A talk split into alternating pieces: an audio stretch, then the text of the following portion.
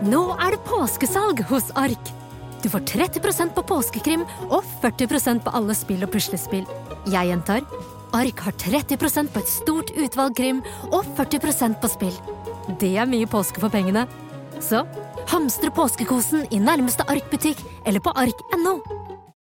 Ny episode av podkasten Fab ute nå. Er jeg den eneste som skrur ned vindusviskerne på bilen et hakk om jeg ser at ingen andre har på det samme nivået som meg? Jeg føler meg liksom litt pinglete om jeg har dem på for mye. At jeg blir litt kulere om de er på et hakk lavere. ja, Man virker litt desp. Hør Fab med Jenny Skavlan, Ingrid Bergtun, Mari Nordén og Ingrid Vik Lysne. Gratis på podplay.no. En podkast fra Podplay. Denne episoden kan være skremmende for enkelte lyttere. Om du er yngre eller sensitiv, bør du lytte til episoden med en voksen du stoler på, eller skru av.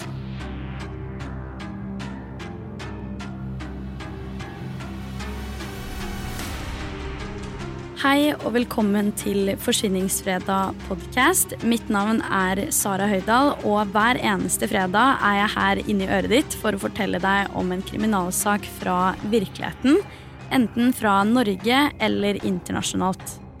I denne episoden skal jeg ta for meg en sak dere har spurt meg om å lage video om på YouTube og podkast-episode om utrolig lenge, og endelig skjer det. Dette er også sesongpremieren for sesong tre, og jeg har hele sommeren sett frem til å endelig være tilbake igjen her, og jeg håper at du er like spent på denne sesongen som det jeg er. Jeg har også tatt til meg all feedback fra de to forrige sesongene, så jeg gleder meg veldig til du skal få lytte til det jeg har jobbet med de siste månedene.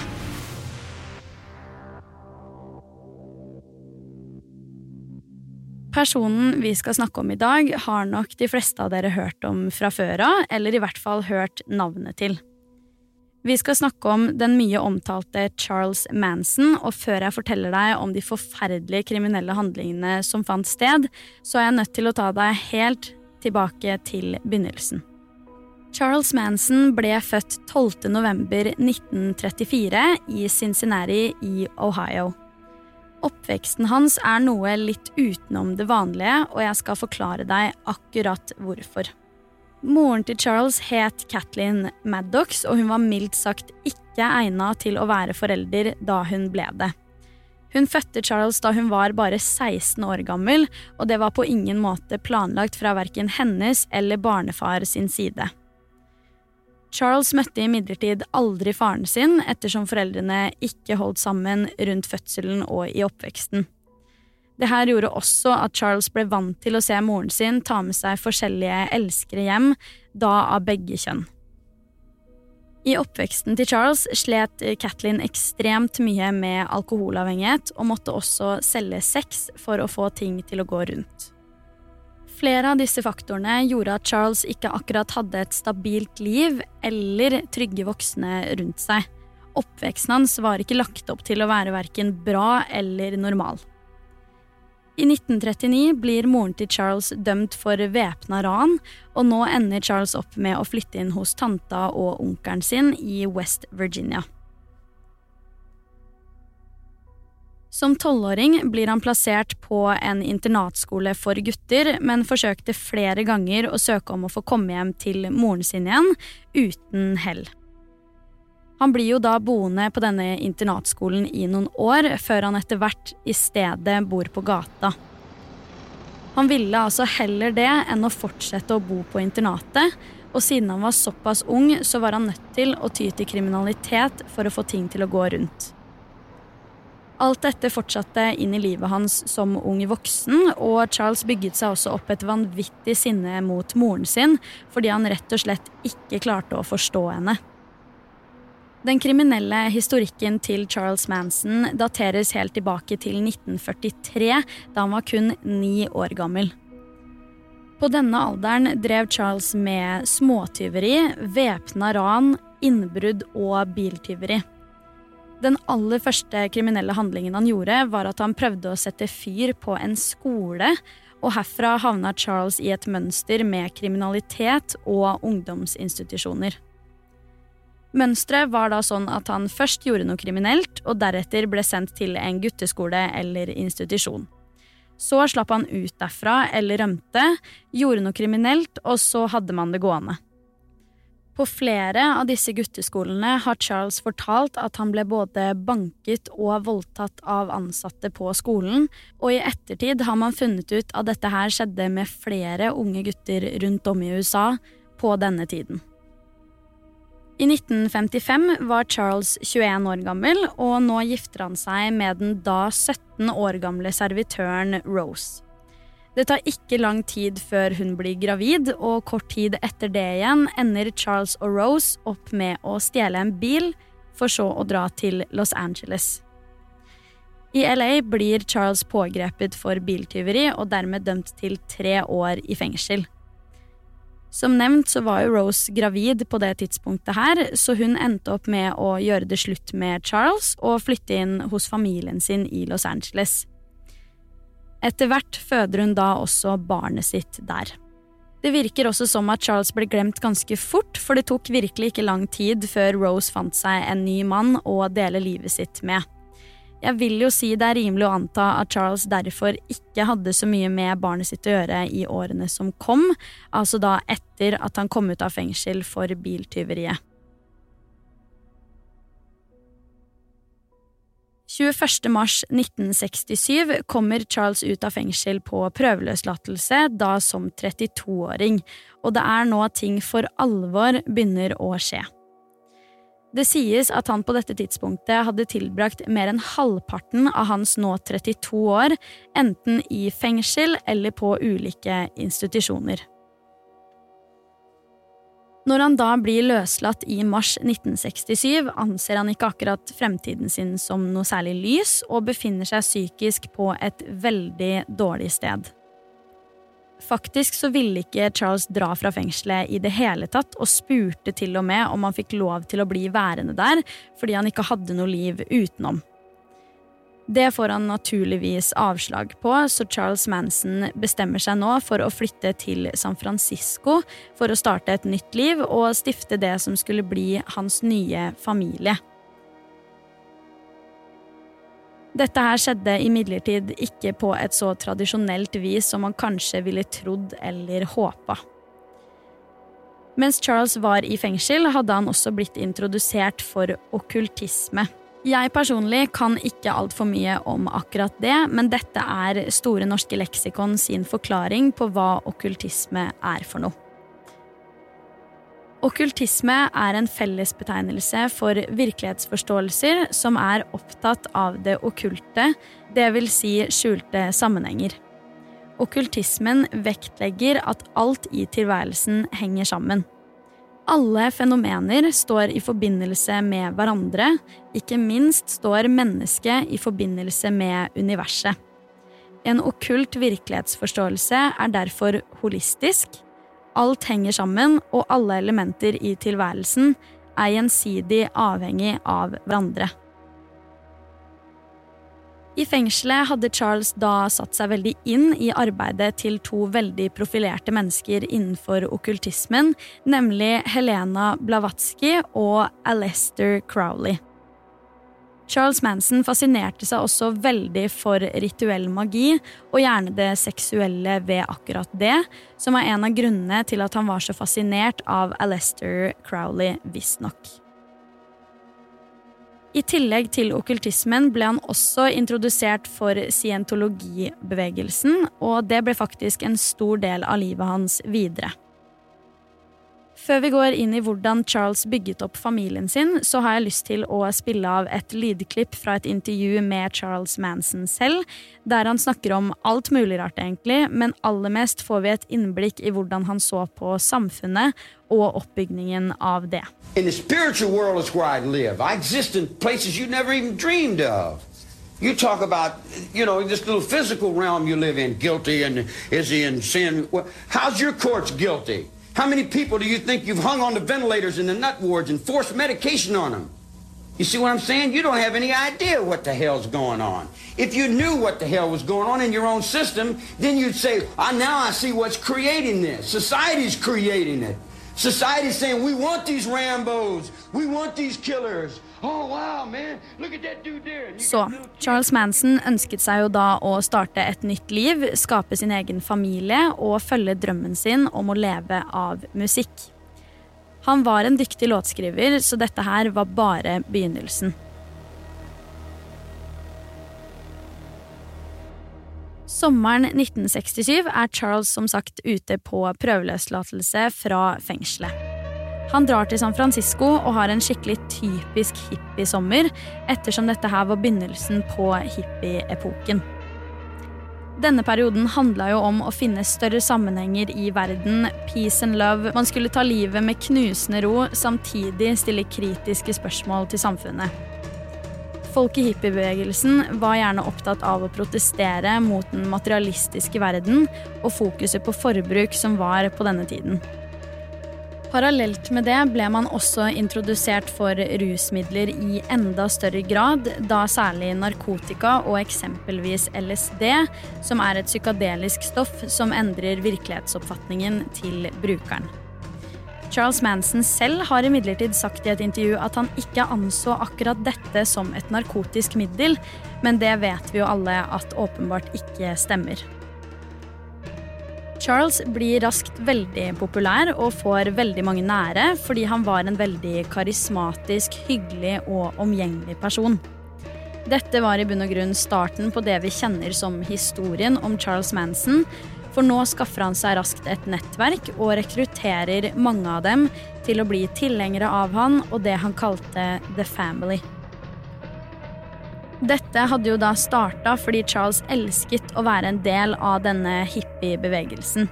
Han spilte konserter på gata og fikk derfor rask kjennskap i miljøet. Det er også verdt å nevne at den ene sangen som Charles lagde, ble så godt tatt imot at han etter hvert fikk muligheten til å selge rettighetene til sangen, og for de pengene kunne han kjøpe seg en typisk Volkswagen-buss, en sånn typisk en man husker fra midten av 60- og 70-tallet.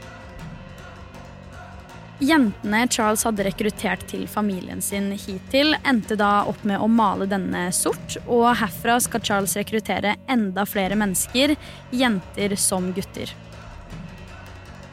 Det som er fellesnevneren for personene innenfor denne familien, eller kulten som de jo egentlig var, er nettopp det at de alle hadde noen indre demoner, ikke nødvendigvis følte seg lytta til, sett eller hørt i sitt dagligdagse liv. De alle trengte noe å tro på, noe å være en del av og noen til å forstå dem. Ifølge enkelte av de tidligere medlemmene skal mange av dem ha ansett Charles som en type gud, mens han så på seg selv som både Jesus og Satan. Etter hvert som familien vokser seg større, ender Charles opp med å kjøpe en eiendom som tidligere hadde blitt brukt i westernfilmer. Det her var egentlig bare en gård som ble kalt The Barker Ranch, og den lå plassert midt ute i Death Valley i California. Det er først nå Manson velger å innføre noen ganske strenge regler for familien. Du skal nå få høre et lydklipp hvor Charles forklarer disse reglene, og hvordan medlemmene i familien lever etter disse.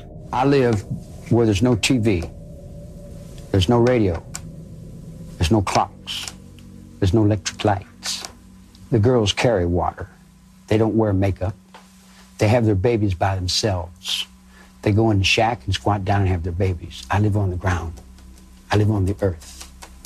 I don't live, I lived in Hollywood and I had all that the Rolls Royce and the Ferrari Så som du helt sikkert skjønner, Charles innførte forbud mot TV, klokker, bøker, kalendere, og en ting som ikke blir nevnt i akkurat det lydklippet her, var at han også nekta medlemmene å bruke briller.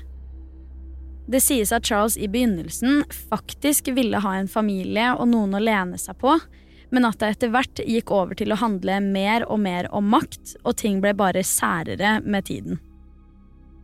Det er også verdt å nevne at dette her skjedde parallelt med at de alle sammen som var en del av kulten, testa flere og gradvis verre rusmidler, spesielt da LSD ble hovedstoffet som familien tok. Med tiden tok denne kulten flere vendinger, og det var heller ikke uvanlig at alle hadde samleie med hverandre. En spesifikk sang som Manson hang seg opp i, var sangen Helter Skelter av The Beatles. Ifølge Charles' eh, tolkning handla denne sangen om noe mye større enn seg selv. Han mente at denne sangen hadde et budskap om at en rasekrig skulle komme, og at man måtte drepe. På 60- og 70-tallet så var jo The Beatles veldig store, og i likhet med veldig mange andre var også både Charles og resten av hans nye familie utrolig store fans av dem. Denne familien tok det imidlertid ganske over styr og trodde oppriktig at de hadde en skikkelig sterk kobling til bandet, selv om det ikke var realiteten på noen som helst måte. Et annet band som Manson-familien hadde kobling til, men denne gangen faktisk på ekte, var The Beach Boys.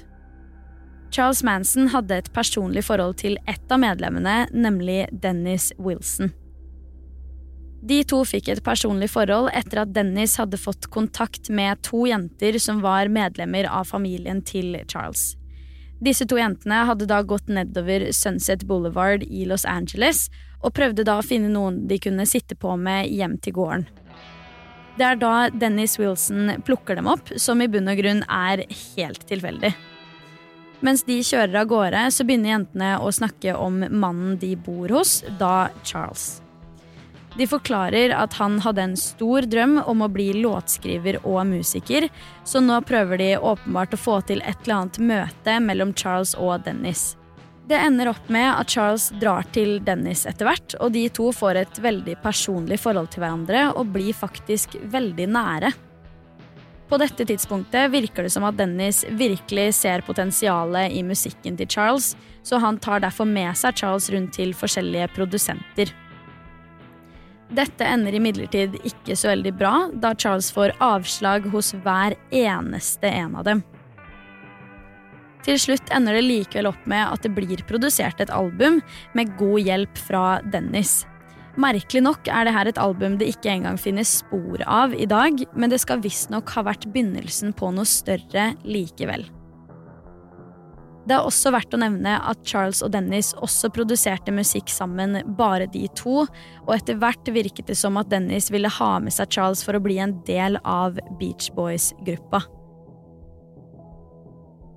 Resten av gruppa nekta likevel for det her, og gikk faktisk så langt som å fortelle Dennis at han virkelig ikke burde assosieres med Charles, da det virka som at han hadde veldig dårlig innflytelse på Dennis, spesielt med tanke på hvor mye han rusa seg på det tidspunktet her. Beach Boys-gruppa er jo veldig populære og har et godt rykte i dag, men det er veldig rart å tenke på at dersom Charles hadde blitt en del av gruppa på det tidspunktet her, så hadde ting kanskje sett veldig annerledes ut i dag. En av sangene Dennis og Charles da angivelig skal ha produsert sammen på den tiden her, er en sang som Beach Boys faktisk endte opp med å gi ut. Ifølge Charles er dette en sang han egentlig selv skrev, men ingen sted har han noen gang fått noe kreditt for dette her. Etter hvert kjenner Charles på at han føler seg veldig lurt av produsenten, men kanskje spesielt Dennis, rett og slett fordi albumet aldri ble gitt ut, og selvfølgelig dette her med låta som han aldri fikk kreditt for. Hele denne situasjonen gjør at Charles og Dennis nå havner i en gigantisk krangel, hvor det ender med at Charles tar frem en pistol og sier noe lignende som Jeg vil du skal vite hvor fint det er at barna dine er trygge.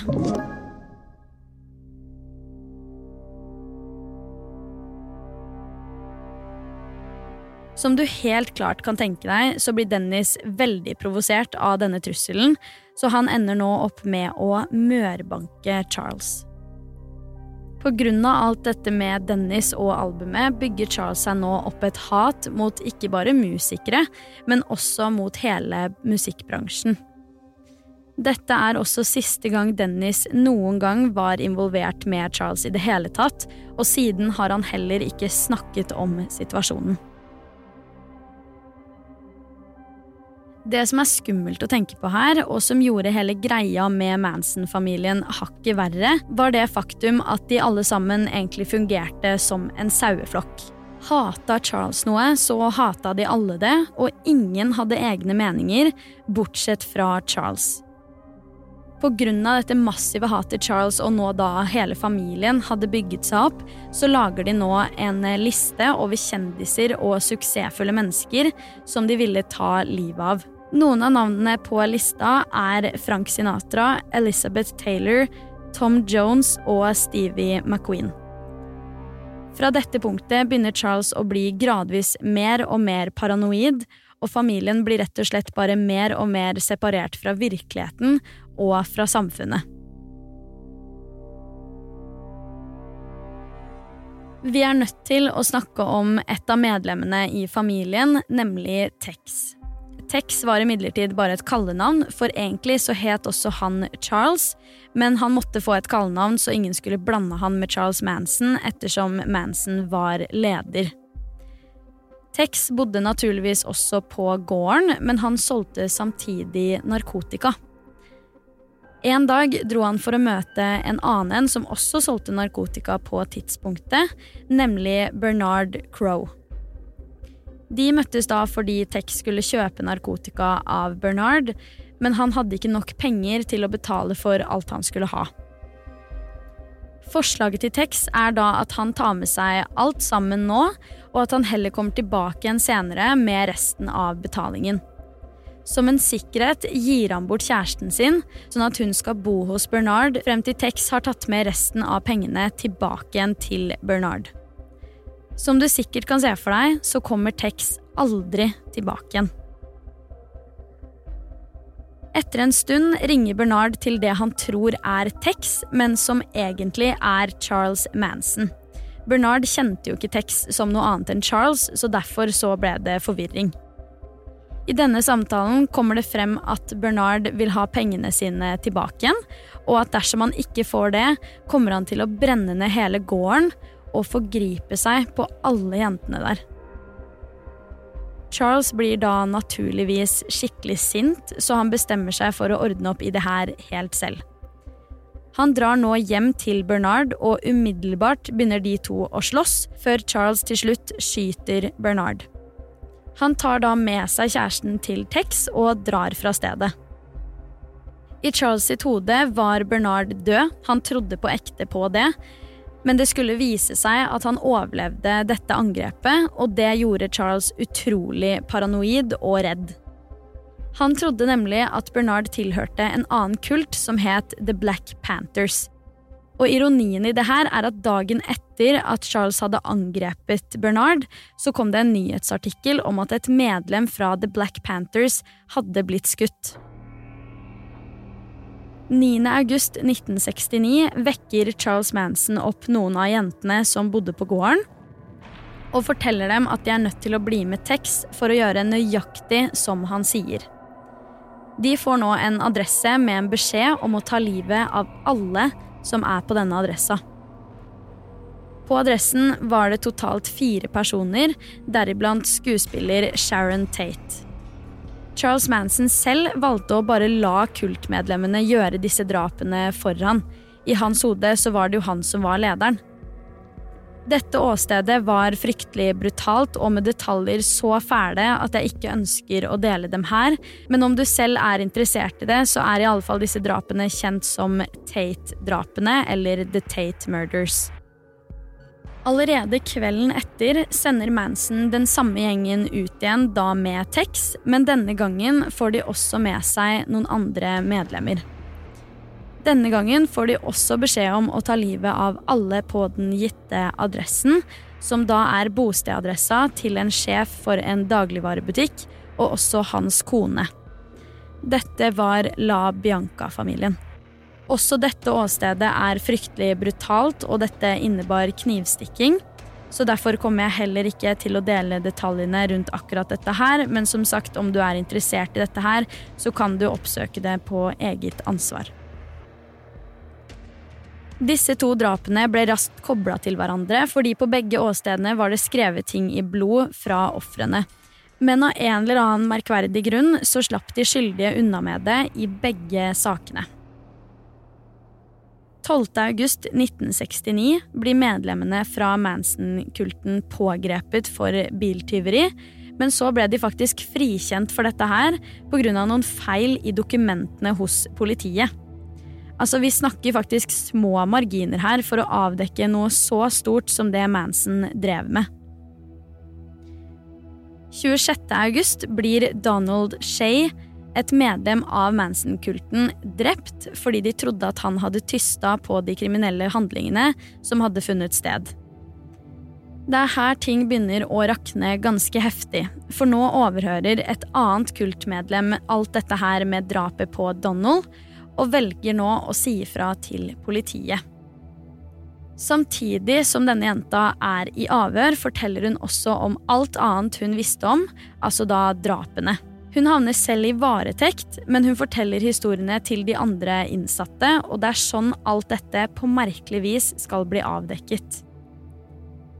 Alt dette med kulten gjorde at det ble en stor diskusjon om skyld. Kunne Charles stilles ansvarlig for noe han ikke direkte hadde gjort, selv om han på mange måter manipulerte kultmedlemmene til å begå disse handlingene? Samtidig så må jo de som faktisk har begått drapene, også straffes, men spørsmålet var da om Charles i det hele tatt kunne straffes for det her. Det skal sies at i retten var det ingen tvil om hva det var som hadde skjedd, ettersom det var utallige vitner fra kulten, og folk nå valgte å fortelle sannheten om alt som hadde skjedd. Grunnen for dette var at i rettssaken ble Charles sin rolle veldig åpenbar. Eksempel om Charles snudde hodet sitt i retten, så gjorde også de andre medlemmene det. Rettssaken var også sterkt preget av nærmest psykotisk oppførsel fra Manson sin side, noe som gjorde at rettssaken var krevende. Han skal også ha sagt til media at 'jeg er djevelen, og djevelen er skalla'. Da Charles og medlemmene ble geleida inn i rettssalen for å få dommen sin, så hadde også de alle sammen barbert hodet sitt. 29.3.1971 blir Charles Manson og de tre kvinnelige kultmedlemmene dømt til døden. Etter å ha hørt dommen skal en av kvinnene ha ropt 'best å låse døra og passe på barna deres', som åpenbart var en trussel til samtlige i rettssalen. Året etter dommen ble avsagt, endra California sine lover, slik at Charles og medlemmene ikke lenger var dømt til døden, men da livstid i fengsel. Charles Manson døde i fengsel 19.11.2017 etter en innleggelse på sykehuset. Hele året hadde han vært veldig dårlig og ble i utgangspunktet lagt inn for mage-tarm-blødninger, men etter nøyere undersøkelser viste det seg at han hadde tykktarmskreft. Dette er til slutt grunnen til at Charles Manson døde 19.11.2017. Du har hørt Forsvinningsfredag podkast med meg, Sara Høydahl. Og dersom du har lyst til å høre om enda flere true crime-saker, så kan du også sjekke meg ut på YouTube, der jeg heter Sara Høydahl. Uansett så kommer det en helt ny Forsvinningsfredag podkast-episode her neste fredag. Og i mellomtiden, ta vare på deg selv.